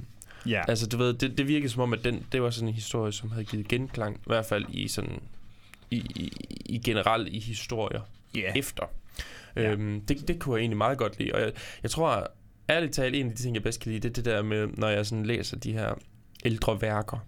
Det er lidt ligesom, når man har læst for eksempel The, The Black Cat, Den Sorte Kat mm. af Edgar Allan Poe, hvor, man sådan, hvor, hvor det går op for en, den her historie, den kender jeg jo egentlig godt. Fra flere forskellige fra steder. Fra flere ja. forskellige steder, ikke? Altså, jeg elsker det. Og det, det, jeg synes, det er så fantastisk. Også fordi, for Lovecraft, det er også gået op for mig. Resident Evil mm. er jo også helt utroligt Lovecraftian. Altså, det, og det, nu kommer der jo et, et maraton lige om ikke... som vi har optaget. Som vi har optaget, det er jeg lidt i tvivl om. Slut november, tror jeg, agtigt kommer det. Sure. Så den, den, den øh, hvad hedder det nu, det er også helt utroligt Lovecraftian. Det, mi, filmene er ikke så Lovecraftian, mm. men spillene er helt exceptionelt Lovecraftian. Ja, det var godt, du sagde det, for jeg sad sådan, åh, oh, ja, nej, nej, jeg jamen, det er også det, det, det, men igen, det, det var også det, vi snakkede om dengang vi, eller det, at, da vi lavede maratonet, at Paul W.S. Anderson, han, han kører bare ud af sin egen efter to film. Ja. Jeg tror ikke lige... Men, men det var faktisk sjovt, vi ja. så lige kom ind på ham, fordi vi har faktisk snakket Event Horizon før, øhm, som også er utrolig Lovecraftian. Yeah. Øh, vi har lavet et helt afsnit om den, ja. Mm-hmm. Helt. Og med sindssyge, og ja. ja øh, så, så faktisk har Paul W.S. Anderson lidt, øh, lidt Lovecraftian kan, i sig. Ja. jeg tror godt, han kan lide Lovecraft. Det, det, det, det er ret sjovt. Mm. At, um, jeg føler, vi er ved at have gået igennem den her. Jeg har ikke sådan nogle kæmpe kritikpunkter. Jeg føler Nej. ikke, jeg er alt for, for sådan well-equipped til at kunne sige, ah, der er lige en, øh, en for firkantet streg herover marker, det kan vi godt lige ændre. Det, det, jeg, jeg det synes, det, det er... For. Nej, nej. Men, øhm, men har du sådan nogle, øh, nogle sidste ord, du vil sætte på, øh, Jeg vil på gerne den her? spørge dig, mm? hvis du nu skulle pege på en historie og sige, det her, sådan overall, altså både med Lovecrafts historie, hvordan den ligesom, altså du ved, er, tegnet, mm. og altså, er der en af dem, du vil sige, det, det, det er måske din yndlings, det kunne godt være din yndlings? Øhm, der er sådan en, en lille kamp mellem øh, rotterne i murene og, og billedet i huset på en eller anden måde. Øhm, det er så sjovt nok ikke nogen af dem, hvor der er den her sådan kosmiske mm-hmm. redsel, men det er den her isolation og klaustrofobi og, og det at være fanget ind i sit eget hoved, der pludselig også bliver, bliver øh, problematisk. Ja. Øhm, jeg tror, jeg vil ende på rotterne i murene. Jeg synes, den er helt enestående. Det er så Lauke Ejlsø Madsen, ja. der har øh, skabt den, og ja. det, det er den, det er virkelig øh, en, der resonerer med mig. Jeg ved ikke, øh, har du en, du vil pointere? Det er sjovt. Jeg, havde, jeg vil nok have peget på begge øh, de to også. Og jeg tror også, jeg vil ende med rotterne i munden. Jeg synes bare, men det er jo også en helt fantastisk øh, historie i sig selv, ja. øh, i min optik fra Lovecraft. Så det er sådan lidt øh, svært at og selvfølgelig løbe fra. Og så har øh, også en, en, en fed stil, der faktisk ja. kombinerer ja, den de beskrivelser, Lovecraft bruger, mm. det kombinerer han i sit øh, øh, tegnesprog, ja. og, så, øh, og så har vi så også lidt kropsmutationer og andet. Og det er, altså, det er en god starter. Altså, jeg synes ja. også, den er godt orkestreret i mm. form af, hvornår de forskellige historier kommer, ja. så det ikke bliver frontloadet med, med isolation, for eksempel, og så har vi alt det kosmiske ja. til sidst. Det, det er det er fedt, og så lige hvor de har lagt sådan de små af, ja. eller de mindre fortællinger, der er nogen, der er længere end de andre. Sådan. Ja. Den, den, er, den er godt skabt, eller velskabt, den her, ja. synes jeg. Jamen, jeg synes øh, virkelig, det, det, det er um, en anbefalesværdig bog, fordi det er jo, det, det er jo en anbefaling eller anmeldelse. Ja. Og, og jeg ved ikke, vil du, vil du anbefale det her? Jeg vil klart anbefale den. Altså, det er, jo, det er jo nærmest oplagt øh, nu, nu er vi jo, mens vi optager det her, så er vi i slutningen af Halloween-måneden. Mm-hmm. Men, men der har også et eller andet Halloween-agtigt øh, over et Lovecraft-gys ja. på en anden måde end, end et Stephen King-gys, for eksempel. Ja. Øhm, så jeg synes klart, man skal prøve at søge efter den her. Man kan finde det inde på forladet afkomst hjemmeside, mener mm-hmm. jeg. Jeg har ikke styr på, hvor meget de koster lige nu. Nej. Det må man selv undersøge, ja. hvad man er villig til at slippe for sådan en her. Men jeg er helt sikker på, at man kan få en, en, et par gode aftener, hvor man lige læser en historie af gangen, eller et binge, som jeg havde. Jeg læste det jo hele i en smør, og så mm. sad jeg lige ja, og det, kiggede det kan på nogle af... Det var også det, at jeg, du ved, så læste jeg, og så langsomt, så skiftede jeg bare, og så tog jeg bare resten. Ja, en. det kunne, jeg, kunne, jeg kunne ikke lige vente med at dele ja. det op. Selvom, altså så har jeg jo gået tilbage og kigget på nogle af de forskellige historier bagefter, også i form af, at jeg skulle anmelde det. Mm. Men øh, ja, klart en, klart en anbefaling herfra, ja. øh, og det lugter også lidt af, at du ja, var der. altså jeg må indrømme, ikke? Jeg, da jeg sad og læste den, så sad jeg bare og tænkte, hvor ville jeg bare ønske, at jeg havde fundet den her nede på, på biblioteket, da jeg var barn. Ja. altså fordi, som du siger, det er jo ikke, det er jo ikke sådan straight up horror, hvor folk de bare, altså man sidder ikke og er ved at dø af skræk, ikke også, men det, det er en stemning, det er en stemning, og jeg vil sige, børn vil godt kunne forstå den her stemning, Ja. og kunne blive grebet af den. Så hvis man sidder derude og måske har børn, som er ved at kunne komme ind i sådan en, en måske kunne, kunne interessere sig for noget gys, så synes jeg også, det her kunne være et rigtig godt indhop til at ligesom øh, komme kom til at forstå noget Lovecraft, og, og måske blive lidt forelsket i den, øh, den historiefortælling. Eller det, ja, også det samlede univers, Ja, Lovecraft univers. måske står Ja, for. lige præcis. Øhm, ikke, ikke at det er sådan et uh, Avengers multiverse, eller hvad der nej, foregår, nej. men, det, men, det, men han har en, en gennemgående stil, og det kan man mærke i den her også, Mm. Ja. selvom det er forskellige skaber. Altså, ja. Det er stor anbe- anbefaling Ja, for jeg os synes, to. det er, en, det er en anbefaling, 100% en anbefaling. Så smider jeg en, øh, en, en breaker på, og så øh, hopper vi over til nogle af de her anbefalinger, vi har. Nogle af de her film, som, øh, som vi kunne give en rigtig god Lovecraft-aften. Hvis du lige tager en short story her, og så lige en film.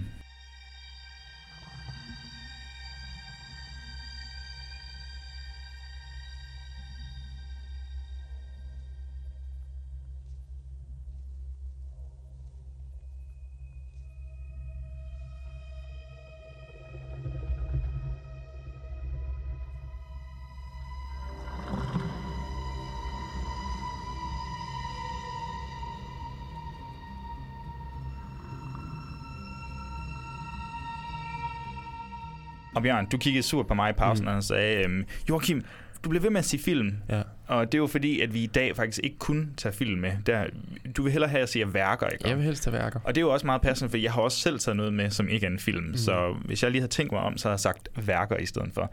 Vi har taget tre værker med, øh, begge to. Ja. Hvilke tanker har du gjort dig, inden, øh, inden du skulle vælge dine værker? Øh, jeg, jeg var meget sådan, at det skulle... Øhm, jeg ville, det var en kombination af to ting, tror jeg. Mhm. Det skulle være noget, øh, som sådan langsomt kunne, kunne, kunne give folk et indtryk af, hvad en Lovecraftian film, og det er, når, når jeg siger det, så er de ting, to ting, vi snakkede om, primært i hvert fald, det der med enten noget, der har noget med sindssyge at gøre, eller noget kosmisk horror. Det er de to ting. Noget, der ligesom langsomt ville mm, kunne, kunne øh, få en ind i den her øh, det multiverse, eller hvad Yes. vi skulle kalde det, af, af, af Lovecraft. Og øhm, så jeg har taget nogle ting, som ligesom øhm, vil, øh, vil give en et indblik til, hvad det, det skulle være for noget, øhm, på, forskellige, øh, på forskellige måder. Jamen, Øh, det, det, det er også øh, min indgangsvinkel. Noget, der både, altså jeg har både taget film med, og så en enkelt tv-serie kan jeg spoil. Ja. Øhm, men, men ja, mine de afspejler også nogle forskellige sider af, af Lovecraft, og mm. på en eller anden måde, så føler jeg også, at mine kan også godt afspejle lidt den her i ly af mørket Ja. øh, tegneserie, vi har, både sådan med æstetik nogle gange, og, Mm. og, og ja, serieelementet i det. Øh, Ja. men, men Bjørn, vil du ikke starte med at Jo. komme med din første anbefaling her? Og jeg vil gerne lige hurtigt sige, at jeg har ikke valgt det her baseret på, hvilke film jeg også kombineret kan se, kunne finde, der var mest uhyggelig. Nej, nej. Det, det har ikke så meget med uhygge at gøre, men jeg vil gerne sige, på min tredje plads har jeg noget af det mest uhyggelige, jeg nogensinde har, har fingrene i. Okay. Det er et spil, og det er Amnesia. Det er Amnesia, og vi har snakket om Amnesia før, men nu, er, nu bliver jeg bare nødt til at nævne det igen, fordi Amnesia er måske det bedste Lovecraftian spil, der er blevet lavet, uden at have spillet dem alle sammen, men det er også det, jeg kan læse mig frem til.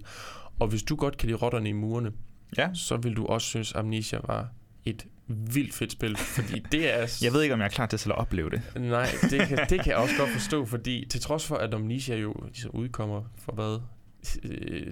Jeg tror, det er 13 år siden nu. Hold da, ja. Så ja, igen, jeg har genspillet det for hvad, to år siden, hvor jeg stadigvæk var pisse bange. Det fungerer bare stadigvæk. Men, skal vi sige, spillet handler om en øh, mand, der hedder Daniel, som vågner øh, og har lidt hukommelsestab. Så finder han ligesom langsomt ud af, mens han er på det her kæmpe store gotiske slot, at der er noget, der er et monster på slottet. Han finder sine egne dagbøger, hvor han ligesom fortæller om, at han har gjort noget, og det er ham selv, der har givet sig selv øh, hukommelsestab, fordi han har gjort noget så forfærdeligt. Okay. Og hans nye jeg vil så gerne finde ud af, hvad er det egentlig, han har gjort? Og så er det, han begynder at bevæge sig ud i det her kæmpe store øh, slot, og han bliver jagtet af sådan et mystisk, øh, rigtig Lovecraftian monster. De fleste har måske set det her monster. Jeg har Øhm, ikke set det, kan jeg sige. Har du aldrig set det? Det tror jeg. Måske har jeg set det, hvis jeg ser det, men jeg ved ikke, om jeg har set Ja, det. okay. Øhm, og, Daniel, han, så, og så er det, at man skal igennem det her kæmpe gotiske slot og ned i kælderen. Meget lidt ligesom her i, i rotterne i murene. Ja. Og man skal kæmpe med, at øhm, du må ikke kigge for meget på, på både det her monster, men eller være i mørket for lang tid, fordi du har ligesom sådan et sanity meter, et, et, et mentalt helbredsmeter, okay. om man skal sige, øh, som, øhm, som man skal huske at holde op, fordi ellers så bliver man sindssyg, og så, ja, taber man jo også ja. spillet, ikke? Øhm, også igen, det er også en meget Lovecraftian ting. Vi, vi, vi må ikke blive for sindssyge, men... Og det holder stadig øh, 13 år senere. Ah, det gør det virkelig. Altså, den har fået to ud, ud øh, fortsættelser, undskyld. Du har jo anmeldt en af dem. Jeg har anmeldt en her, I en af vores første sidste øh, år. uhyggesnakker Ja. Ja. lige præcis. Og så er der den, der hedder A Machine for Pegs. Altså grise, ikke? Øhm, bare hvis du sad og tænkte noget Ja. Joachim. Øhm, det første er helt klart det bedste spil. Okay. Det er det, øh, altså, tag og spil det første. Hvis man bare er helt vild og tosset med det, så kan man da godt fortsætte. Er det en af dine bedste spiloplevelser, eller? Ja, men jeg har måttet tage det i flere omgange, fordi altså, den gang det udkommer i det der har været 2007 sikkert, og jeg, der har jeg jo været, været 13, 14, 15, 16 måske. Øh, og der var jeg ikke øh, så modig, som jeg måske Mm. er nu. men Ja. men øhm, jeg kan huske, at jeg måtte stoppe med at spille det første gang, fordi det simpelthen var for, for uhyggeligt. Og så skulle jeg så på efterskole, og det, så spiller man ikke så meget Nej. Øh, selvfølgelig der. Men altså, det er stadigvæk en af de mest uhyggelige spil, jeg nogensinde har spillet. Men øhm, det jeg er mest interesseret i faktisk lige nu, det er jo at høre, hvad du har på din tredje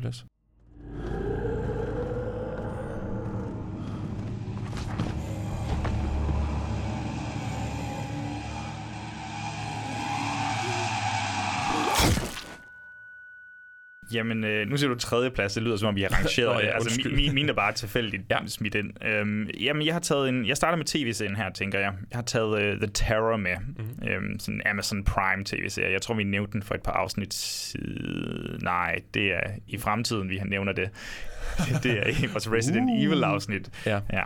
Øhm, vi, vi, vi har også nogle kosmiske tendenser, hvor vi ligesom kan se frem i fremtiden og Ja. bevæge os i et andet tidsrum og sådan Ja. noget. Øhm, Lovecraft på serie, mm. det er som sådan ikke set før det her, tror jeg i hvert fald ikke, måske. Det kan godt være, jeg aner det faktisk Ikke, ikke. ikke på det her store plan, Nej. som vi i hvert fald er ude i. For det er på sin vis på et kæmpestort plan. Vi har nogle store skuespillere. Vi har Jared Harris, vi har Kieran Hines og Tobias Menzies.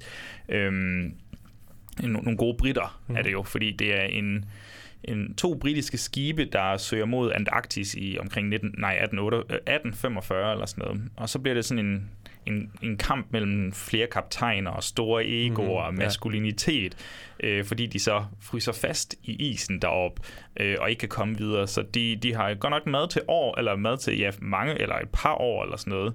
Øh, men de går jo trods alt en kold og mørk tid Ja. ja. i møde, og så Altså, det er fuld af paranoia, fuld af sygdom, fuld af sindssyge, og så er der jo en eller anden form for mystisk monster der, mm. som jeg ikke vil sige alt for meget om, men, øh, men når man ser det, så kommer man til at slå øjnene op, tror jeg. Mm. Øhm, men, men ja, det er jo op på Antarktis, og så er der nogle, øhm, hvad hedder det, må man gerne sige Eskimoer stadigvæk, det ved jeg ikke. Det hedder de i hvert fald i serien. det hedder de i serien. serien. Øhm, og de spiller også en ret stor rolle, fordi vi har jo de her ja, hvide kolonister, basically, mm. der, der søger derop, og, og der er nogle fede interaktioner. Jeg synes, den her, den, er, den har ikke nødvendigvis det her sådan kæmpe kosmiske element, men den har paranoiaen, mm. den har sindssygen, den har lidt monstre, øhm, og så har den... Øhm, hvad skal man sige? Altså, jeg synes, det er fedt, at det er så bredt på en eller anden måde, at der er så mange mennesker med deroppe på sådan et lille område, og så taler den bare i sådan nogle fede tematikker som maskulinitet, når de er fanget på en båd i 1845, mm. og uh, ja, jeg synes, den er virkelig stemningsfuld. Den er måske et afsnit eller to for lang. Øh, Den er hele 10 afsnit af en time hver cirka. Men øh, utrolig medrivende, mega flot skud, og, og ja, jeg synes, de får meget ud af den her lidt isolerede location, der er deroppe. Ja. Øhm, det er, hvor langt var du nået, sagde du cirka? Jamen, jeg lige begyndt... Du sagde til mig for måske en uge siden, tror jeg. Tag at se det. Og så var jeg sådan, oh, så begynder jeg at se det igen. Og så har jeg egentlig set et afs... Ja, ved syvende episode. Okay. Ellers, ellers skal til 8. Men altså, har, hver gang jeg har kunnet, så har jeg sat lidt på, for det er godt nok fangende, det her. Det er det virkelig, det, det synes jeg også. Helt utroligt. Det er, det er virkelig spændende, og jeg kan... Den starter jo sådan lidt i... Altså, det første episode, en medias race, hvor vi bare får, får at vide, at, altså, der er tre af vores hovedpersoner, de er forsvundne i hvert fald. De ved ikke, hvor de er. De er ude og lede efter dem. Så vi kan jo ligesom godt regne ud, det slutter i hvert fald ikke med, at de levede lykkeligt til deres dages ende, umiddelbart. Øhm, Det- og, og det siger jeg, fordi jeg ikke har set slutningen Ja, ja. endnu. ja. Øhm, men så er man sådan lidt, okay, så vi ved i hvert fald, at det, det ender ikke godt. Men, men så bliver man jo bare endnu mere interesseret i selvfølgelig at se, hvor, fanden, hvor, skal de hen? Hvor, hvor, hvor ender de henne? Og, ja. Ja. Den har også de sidste par afsnit, altså selvom jeg sagde, at den måske godt kan være for lang, jeg ved ikke, hvor du skal trække noget fra, fordi den har nogle sådan varierende settings, hvis man kan sige det sådan. Ja, altså, der er også nogle jamen, flashbacks, og, og så der- er ret meget spændende ved den. Jeg tror, jeg, jeg holder, det, holder det mystisk her, så, ja. så folk kan opsøge den selv. Den ligger på Amazon Prime, ja. You must wonder what we're doing here in your part of the world.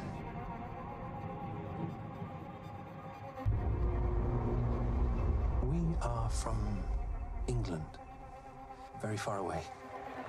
We've come here to find a way through to China and India. Now is our moment to strive to our glory and to our destiny.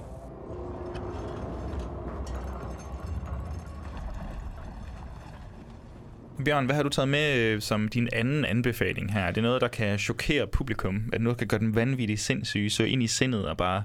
Ja, Jamen altså, det vil jeg da våge at påstå, fordi jeg har jo taget John Carpenters In the Mouth of Madness med. wow. Wow. Det, er, Det- det er for fedt. Ja, men den, jeg kan godt lide John Carpenter, og øhm, det her det er en af de film, jeg så dengang, inden jeg skulle ind og høre ham i biografen, hvor jeg bare var sådan, wow, what the fuck skete der lige her, altså. Og du har Sam Neill, altså, hvem kan ikke Sam Neill? Sam Neill er fantastisk i den Ja. her. Nu har vi jo snakket om Event Horizon, øhm, men, men i In the Mouth of Madness, de Mm. to er skingrende vanvittige sammen. Eller Det de er- to film er ja. to vilde Det, præstationer. det er en lækker double bill. Ja. Det- Jeg synes, han er, han er for fed i den her, Ja. ja. Sam Neill. Ja. Og det handler om en, en forfatter, Sutter Kane. Nu har jeg, jeg, gerne lige, jeg har ikke genset den til det her. Jeg har Mm. jo umenneskelige mængder af tid, selvfølgelig. Jeg har ikke genset den til det her, så, men altså, det handler om en forfatter, der hedder Sutter Kane, som er forsvundet. Jeg er ret sikker på, at han skal forestille at være en Stephen King også. Agtig, ja. Men Stephen King bliver nævnt i universet også, Ja. ja. så det er lidt sjovt. Ja, jeg tror, de, jeg tror, de sender en sviner hans vej, faktisk. At han Ja, ja, ja, ja, han udsælger Stephen King på en weekend, tror jeg, de siger. Ja. Sådan øhm, men hvad det, der er den her forfatter, Sutter Kane, som er forsvundet, og han er, hvad er det, den hedder, Box End? Ja, de skal til ja. en Ja. eller anden by for at finde ham. Og det er så Sam Neill, der er sådan Ja. ja. en forsikringsmand, øh, Mhm. detektivagtigt. Så det bliver, der har sådan en, ne- en neo-noir feel, detektiv feel. Øh, Ham og en fra et, et trykkeri, Ja, bogfirma, for- forlaget, det nu er. Ja. De skal ud og finde Sutter Kane, og det er bare en helt sindssyg altså, øh, by, de kommer til. Det er det virkelig. Jeg synes, det er så fedt, hvordan det kan være både Carpent, eller det var ikke det, jeg mente, både Lovecraft i form af det her kosmiske element, der kommer, for der kommer nogle vildt fede øh, kosmiske scener, mm-hmm. hvis Mhm. man kan sige det sådan, eller en dimension, forskellige dimensioner Ja. scener, men samtidig også det her øh, vanvid, Ja. isoleret vanvid i øh. Sam Neills hoved. Mhm. Fordi der ske, det, der er med Sutter Kane, det er, at hans seneste bog, den er jo så velskrevet, den er så gyseligt effektiv, at de folk, der læser den, begynder at blive sindssyge, eller begynder at kunne se ting fra bogen. Ja. Øhm, og det er sådan et, et ekstra meta-element, som på en eller anden måde... Mm. Altså, var det nødvendigt? Ja, det var det måske, men det ophøjer den bare til et helt, en helt anden oplevelse. Ja. Den, den er åndssvagt fed. Det er fandme mm. godt, du tager den med. Og jeg synes også, den er dejlig John Carpentersk. Altså lavet. Det er sådan rigtig... Den er fra hvad? 94, tror jeg måske. Så det er stadigvæk John Carpenter, der kan noget i min optik. Mm. Øhm, Han er- viser, at øh, det er ikke kun dårlige film, der kommer i 90'erne. Ja, lige præcis. Skud til Vampires, der i øvrigt er vores mindst lyttede afsnit, tror jeg. ja, det, det er ikke så heldigt. Og øh, der laver han jo 1994 øh, næsten bedste film. Nej, det gør han ikke, er ikke. Altså. Men det er, altså, det er helt klart en film. Altså, man, hvis, det, det, det kunne sagtens være en af de mest sådan essentielle Lovecraftian film. Altså hvis man virkelig gerne vil have fornemmelsen af både sindssyg og det kosmiske Ja. i en, så, så synes jeg helt klart, at det her det, det er en, man skal se. Jeg tror, jeg har, har sagt øh, over på den anden podcast, der er Movie Podcast, at øh, In the Mouth of Madness er den bedste Lovecraft-filmatisering, der ikke er en Lovecraft-filmatisering. Ja, den, den er så fantastisk. Ja, fordi det er jo, altså den spiller jo på navnet In the Mountains of Madness. Ja. Og så har han jo bare selv fundet på resten, tror jeg. Altså jeg, jeg har, det har jeg ikke Altså, det er jo en anden forfatter Ja. end Carpenter. Ja, det er præcis. en eller anden... Øhm, jeg tror, han er studiets, øh, studie, der har stået for den. Han er sådan en af de store producer derinde. Han har kun skrevet den her, og så en eller anden anden film. Måske en efterfølger til Nightmare on Elm Street, eller jeg kan ikke huske det. Måske det er New Line Cinema, så. Nej, jeg ved det ikke. Øh, oh, hvis det er Nightmares, så øh, er det nok... Han er hedder Michael DeLuca i hvert fald. Det er ham, du Mm, tænker på, ikke? ja. ja. Det, ja, han har vist ikke rigtig lavet andet end produceret utrolig meget social network. Jesus Christ. Captain Phillips, Moneyball. Ja, okay, fint. Det jeg er interesseret i, det er, at han har skrevet Judge Dredd i 95. Der har han skrevet historien. Ah, og Freddy's Dead, The Final Night. Ja, det var sådan, det var. Ja. Så jeg ved ikke, det, det er bare spøjst, at det lige præcis er det, er det han har lavet. Ja. Altså sådan på, med, i sit forfatterskab. Nå. Mm. Øh, kæmpe anbefaling herfra i hvert fald. Ja, fedt. Jamen Joachim, vil du så ikke give mig din næste anbefaling? This one will drive you absolutely mad. The riots began because the stores could not meet the demands of Sutter Kane's novel, In the Mouth of Madness. Kane disappeared two months ago without a trace. He's the guy that writes horror books. You can forget about Stephen King. Kane outsells them all. Jeg har taget øhm, The Endless med af, af instruktørerne Aaron Moorhead og Justin Benson. Filmen er fra 2017. De, øhm, de er generelt, siger man, sådan nogle lidt Lovecraft-inspirerede øhm, instruktører. De ved bare ikke, de vidste det bare ikke helt selv i starten. Mm. Men så var det sådan, så læste de, påstår de i hvert fald, så læste de op på, på Lovecraft, og det er sådan, okay, ja, ja, Nej, men det kan vi da godt se. Og så har de så kulmineret det ligesom i The Endless fra, fra 2017. Mm-hmm. Øhm, okay. Noget, vi ikke har snakket så meget om, det er, at der også, det hænder også, at der i, i Lovecraft-fortællingerne øhm, øh, er sådan nogle kultister, altså nogle kultpersoner, som, øh, som ligesom støtter op om, eller prøver at frembringe det her kosmiske horror, eller hvad der nu er. Og det, det tager vi så også lidt fat i, fat i i den her, fordi vi har et brødrepar, øh, som øh, var medlemmer af det her, den her kult, da de var yngre, men de er så øh, øh, sluppet løs, eller hvad skal man sige, de er kommet væk derfra. Men men i et eller andet form for, hvad skal man sige, ikke et opgør, men måske prøve at komme videre, så vælger de faktisk at tage tilbage og besøge den her kult, for ligesom at sige, det var det, og, og jeg tror broren, øh, den yngste bror, han har sådan en fejlfortolkning af, hvad der foregik dengang. Ja. Så det er storebroren, der ligesom sådan, nu tager vi tilbage, og så fikser vi lige, hvad der er sket. Jeg var øh, virkelig positivt overrasket over den her film. Jeg synes, at øh, den har den her ulmende uhygge. Den her uhygge, der ligger i baggrunden. Øh, den er ikke nødvendigvis mega skræmmende. Nej. Øh, det, det synes jeg slet ikke, den er. Men den har også sådan, at den har lidt nogle elementer. Noget tidsrejse, noget mindfuck, hvis man kan lide det. Sådan lidt Nolan-elementer. Øh, men bare på en meget mere indie øh, måde. Altså stort er budgettet overhovedet ikke i den her. Den har en fantastisk scene med, med et ræb, Øh, hvis man har set filmen, så kan man sidde og genkende, men, øh, men ellers er der er sådan en togtrækningskonkurrence, ikke nødvendigvis med et menneske. Det er også virkelig godt. Har, har du set den? Jeg har ikke fået set den, men jeg har hørt rigtig meget om den. Jeg mener, ligger den ikke på filmstream eller sådan Jo, noget? jo, den ligger på Ja. ja. filmstriben derinde. Ja, burde bare få den set. Det, øh, det er egentlig en efterfølger til deres første film, hvis navn lige forsvinder mig lige i det her øjeblik. Øhm, åh, den hedder noget med R, tror jeg, men nu kan jeg sgu ikke lige huske det. Mm. Øhm, men man behøver ikke nødvendigvis have set den første film for at se den her.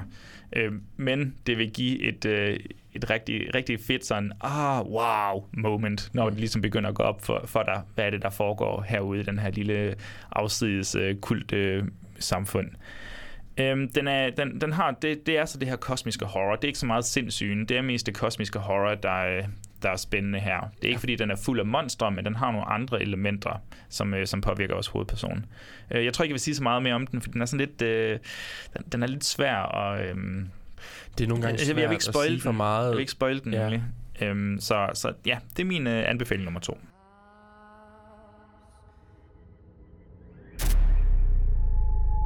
I was told that they were all going to kill themselves. That's why we left the cult. They sent us a video. Whoever's watching, I just wanted to say the Ascension is something that we've all been looking forward to. We couldn't be happier. want to go back. Vi bevæger os jo hurtigt frem. Bjørn, hvad har du taget med på din, øh, din mest anbefalesværdige film? Ej, eller værk? Ej, Ja, det er ja. jo bare... Jeg har taget øh, en decideret filmatisering af en Lovecraft. Det fik vi faktisk slet ikke snakket om, fordi Lovecraft jo er sådan noget syv siders short stories, og folk, når folk de gerne vil filmatisere det, så bliver du ligesom nødt til selv at finde på en hel del, hvilket nok også noget af det, der gør det lidt sværere at filmatisere Lovecraft, fordi du meget hurtigt, hvis ikke du selv, altså som forfatteren, har Lovecrafts tone, og, og ligesom, så kan det meget hurtigt komme til at virke som om, at det er din Lovecraft, Ja. der bliver sk- skrevet. Men det her, det er Stuart Gordons 1985 film Reanimator. Joachim, har du set Reanimator? Jeg har, jeg har skam set Reanimator. Reanimator handler jo om, uh, jeg tror han hedder Herbert West, som er uh, medicinstuderende, lad os kalde det. Øhm, som har no, sådan lidt nogle Frankenstein-tendenser. Ja. Øh, det, det, Det- nu, nu, jeg griner allerede, for jeg synes simpelthen, det her det er en, øh, ikke, ikke bare en fantastisk film, men en utrolig sjov film. Den er helt igennem underholdende. Ja. Altså, det er den virkelig. Og øhm, han, øh, han forsøger jo ligesom at, at, at reanimate, hvad hedder det, genopleve lige Mm. øh, i sin kælder. og det spillet helt til perfektion. Øhm, Jeffrey Combs. Jeffrey Combs, ja, som jo bare er en kameleon i... jeg synes, han er så skide god altid. Jeg elsker ham. Altså, så meget har jeg ikke set ham i, for, for at være ærlig. Jeg har kun set ham her i de her tre Reanimator-film, Okay. tror jeg. Nå. Måske har jeg set ham i anden også. Jeg kan bare ikke lige huske ham. Han er med i Castle Freak, hvis du... Ja, selvfølgelig. Det er rigtigt. Ja. Han, altså, han, ham og Stuart Gordon og Barbara øh, Crampton, de havde lige sådan en rigtig fin... Øh, han, Nogle, en, en god portion øh, over, hvor de lige lavede Ja. en masse ting sammen. Lige præcis. Øhm, de lavede jo også uh, From Beyond, øhm, Ja, hvor, de lige, hvor de begge to er med igen, mm. og den handler også meget om det samme, men der bliver lige byttet om på nogle roller og sådan noget. Lige præcis. Øhm, fordi uh, Barbara Crampton, der bliver vist ret meget af hende i den her film. Øh, Ja, Reanimator. ja. Ja, ja, øh, Den, den er mega fed. Ja. Den, den, den skal alle se. Øh, hvordan, har, du, har du læst short storyen så? Øh, nej, det er faktisk ikke engang fået gjort Okay, endnu. for den er jeg meget spændt på, øh, hvordan er. Så vidt jeg ved, jeg er ikke helt sikker på det her, men Mhm. så vidt jeg ved, så han, var han ikke nødvendigvis så glad på Lovecraft for hans Reanimator-værker, men, men det kan godt være, at det er bare noget, jeg har hørt. Det, det kan sagtens være. Øhm, men nu, nu kan jeg lige så godt bare... Altså, filmen handler om ham her, Herbert West her, ikke også? Altså, som prøver at reanimate lige, og øh, det, det går galt. Øh, det, det går ikke, som han vil. Og det, igen, den er altså meget sådan... Den, der er meget komedie inden over Ja. den. Jeg føler, det er sådan, at vi godt kunne lave en dør grin om. Jamen, det tror jeg også sagtens, vi kunne. Øhm, det vil jeg vildt gerne på et eller ja. andet tidspunkt. Jeg vil i hvert fald bare gerne gense den. Ja, det vil jeg, det, det, det vil jeg også gerne, helt ærlig. Øhm, jeg ved ikke rigtig, hvor meget mere man skal sige. Nej, altså der er nogle vildt fede citater. Øhm, de her zombier, hvad skal man Ja. sige, for det er jo basically en zombiefilm også ja. på en eller anden måde. Ja. De er også vildt fede. Der er et, et afhugget hoved, Der er som det- spiller en fantastisk rolle. The, the, the Giving Head scene, Ja, tror jeg, The de Giving Head den. scene, hvor Barbara Crampton er helt og aldeles nøgen. Det må man sige. Meget øh, udleverende på en eller anden måde. Ja. Det, altså, nu tager jeg Ja. bare over og siger, kæmpe ja. anbefaling for mig også. Ja, altså, altså, den er så grineren. Jeg vil, det er det, jeg vil, sådan, jeg vil helst have, at folk bare siger, jeg ser den. I stedet for, at jeg skal sidde her og ævle løs om, om den her film, hvor jeg synes, den er så fantastisk. Og så har den jo selvfølgelig et... Jeg kan godt lide den score, selvom... At, Nå, Psycho-scoret. Jeg skulle lige til at sige, der er mange, der synes, den lyder som Psycho. Jeg kan godt høre det, men jeg synes også... Altså, det, Ej, det gør fredag den 13. Ja, også, det er jo det der, altså, du ved, sådan er det. Ja. altså, når du laver en stor film, der har et godt score, så er det klart, folk de lige prøver at øh, se, om ikke de kan få noget til at lyde lidt ligesom det. Hvis man tænker, hvad er det for net, så kan vi lige prøve hurtigt at sætte det på, hvis det er.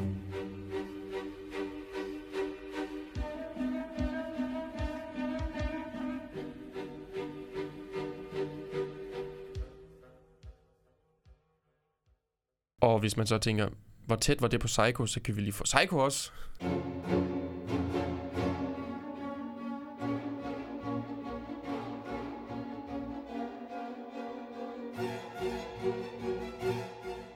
Vi skal udnytte, at vi betaler koda. Ja. Nå, Joachim, må jeg ikke øh, lige høre? Du må da næsten have en anbefaling lige op i dit korte ærme. Har du det? ja, lige mit korte ærme. Det havde der, men sådan. Jeg har taget en, øh, en lidt mindre, hvad skal man sige, tilgængelig. Ikke fordi den er svær at få fat i, men øh, den kan godt være lidt hård at se, den her. Måske ikke for alle. Jeg har taget The Lighthouse med af Robert Eggers. Ja. Øh, Robert, Robert Eggers, som vi kender fra The Witch. Altså han har lavet The Witch? The Witch, ja. Mm. Øhm, den kom for det er fandme svært med corona, men den kom for et par år siden, har jeg lyst til at sige. Halvandet år siden, to Ja, år siden. tror 19. Ja. øh, hvor du har Willem Dafoe i den ene hovedrolle, og så har du Robert øh, Pattinson i den anden hovedrolle. Øhm, de spiller to fyrtons passere. Mm. Øhm, og de, jamen det er ude på sådan en virkelig afsides ø, hvor øhm, der er utrolig isoleret. Der er lidt sådan noget mystisk derude i det her fyrtårn.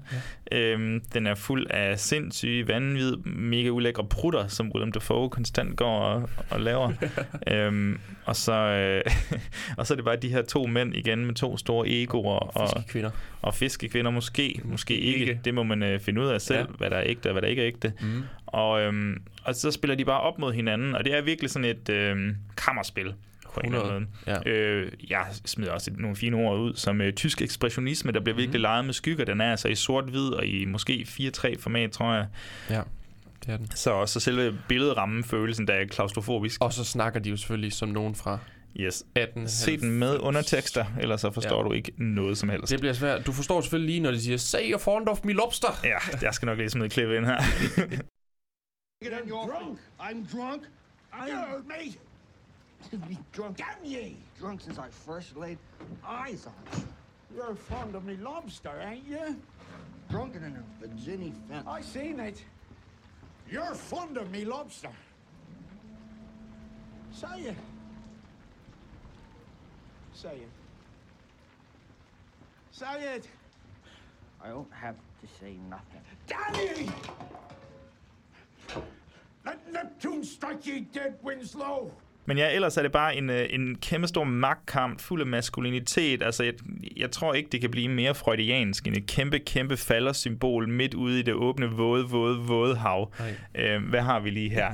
Den er afsindig grineren. Og altså, jeg synes også, den er decideret morsom nogle gange. Mm. Men den har den formår altså også at frembringe den her sindssyge. Du har ingen anelse om, hvor lang tid der går. Altså, hvor lang tid de har været Nej, derude. Overhovedet ikke. Det, og så er der nogle pisse irriterende måger. Ja.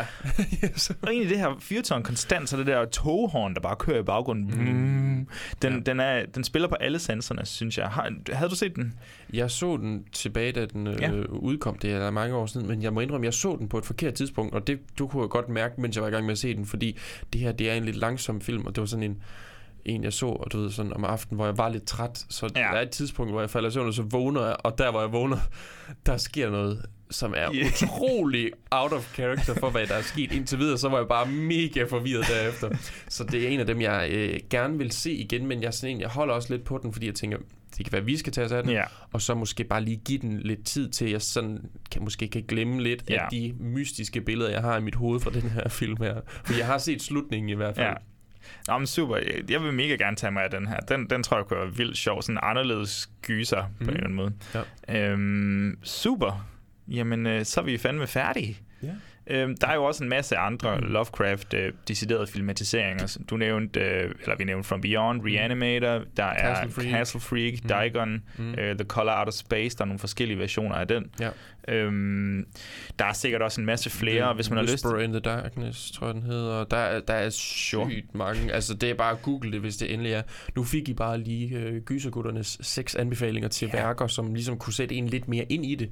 Og så selvfølgelig øh, en anbefaling af I ly af mørket. Ja, det, det, de er jo intenderet som, øh, du kan lige læse en enkelt øh, historie i, i lige mørket, og så kan du øh, smide The Lighthouse på bagefter, Ja, hvis nu du lige havde lyst til det. Det kunne, være, det kunne være billedet i huset, der passede godt sammen med The Lighthouse. Det ved jeg ikke. Det kunne godt være.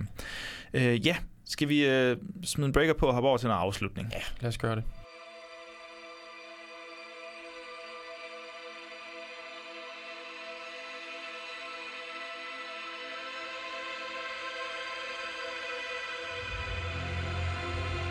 Endnu en gang er vi simpelthen kommet igennem et helt afsnit, Bjørn. Det bliver ved med at overraske mig, hvor, hvor, hvor effektive vi er. At vi ikke bare stopper halvvejs. At vi ikke bare stopper, ah, fuck this shit, dude. ja. Øhm, nu har vi taget os af i ly af mørket her. Mm-hmm. En, en, en, en hyggelig, eller uhyggelig lille sag. Hvad, jeg mener, i næste uge skal vi ikke øh, lave noget modsat uhygge. Jeg tror, vi skal dø af grin. Jeg tror, du har ret. Dø af grin. Vi skal nemlig dø af grin over Netflix-filmen, siger jeg, som om det er netflix Ja, Den er på Netflix. En film på Netflix, ja. The Final Girls. Yes. Øhm, Det, øh, det bliver sjovt forhåbentlig. Ja. Øhm, jeg har ikke fået den set endnu. Jeg tror lige, jeg skynder mig at se den snart, fordi jeg har på fornemmelsen, at Netflix bare lige plejer at sige, ved du hvad, fuck Ja. dig, Joachim, og så tager de den af. Hvis alt går galt, så har jeg den på Blu-ray. okay, fint, fint. Men ja. Det bliver sjovt at se. Jeg tror, det er første gang, vi tager os af en decideret gyser komedie. Mhm. De andre gange har vi grin, grint sådan lidt hånligt af... Ej, kærligt vil jeg sige. Af, Ja, det- af det er altid med de kærlighed. her 80'er snask. Ja. Øhm, så det bliver sjovt at se, om det fungerer, og os, der genfortæller jokesene fra filmen. Mm, altså, jeg glæder mig helt vildt meget. Men altså, som du siger, det der med, at det, nu, nu tager vi en gyserkomedie, og så ser vi, Mm. hvordan det fungerer. Ja. Jeg har nemlig ikke et overblik over, hvordan den kommer til sådan rigtig at, at forholde sig til vores øhm, skalaer Nej. og vores, vores vurdering ligesom til slut. Så det bliver også spændende. Men, men altså, det er, en, det er jo en film, jeg har så selvfølgelig taget med, for du har jo ikke set den. Nej. Øhm, Eller jo, jeg har set den for lang tid siden. Nå, det er lang tid siden. Ja. Nå, okay, men det synes jeg egentlig også, men jeg synes bare Ja. lige, du sagde, godt nok, hvad hedder det nu? Øhm, det var egentlig mig, der, der øh, sagde, at jeg synes, vi skulle gøre det. Men det er lige så meget, fordi jeg synes også, det her det er sådan en film, folk skal se. Ja. Jeg synes, den er fantastisk. Den er helt fantastisk, og Det- den vil virkelig noget. Og så vender vi op og ned på det, fordi ugen efter, mener jeg, så, så skal vi have noget kannibal, øh, kannibalfilm på. Kannibalmassakre, når vi får en gæst med, Christian Poulsen. Ja. Øh, det skal vi optage ja, i overmorgen. Hold kæft, vi er travlt her for tiden. Ja, det har vi. Og så øh, ugen efter, mener jeg, at der kommer Resident Evil Marathon ud, måske. Ja. Det kan I også glæde jer til. Så der er, der er styr på november, øhm, efter en tumultarisk øh, oktober. Ja, det må man sige. Øhm, men jeg synes, jeg synes, det har været godt. Jeg glæder mig til fremtiden her, af de ting, der kommer ud, og se, hvordan det kommer til at klare sig. Og så glæder jeg mig også til, at vi snart øh, kommer ind i juletiden. Ja, jeg er klar til sådan en gyselig julestemning. Ja. Jeg skal låne Black Christmas af dig, så tror jeg, jeg skal se den, min julechallenge i stedet for en Halloween-challenge. Det bliver, jeg skal se Black Christmas 31 dage. og det er selvfølgelig 2006 udgave. Det er klart, det er klart, det er klart. ja. Ej, Joachim, ved du hvad? Jeg synes, det har været skide hyggeligt. Øhm, jeg gider ikke lave en eller anden åndsmage ud. Nej, jeg jeg tror, vi skal sige, ud at til et fyrtårn eller noget. Ja, så ses vi i en anden dimension, eller i, Ja. i vanvidets kælder. Joachim, vi ses.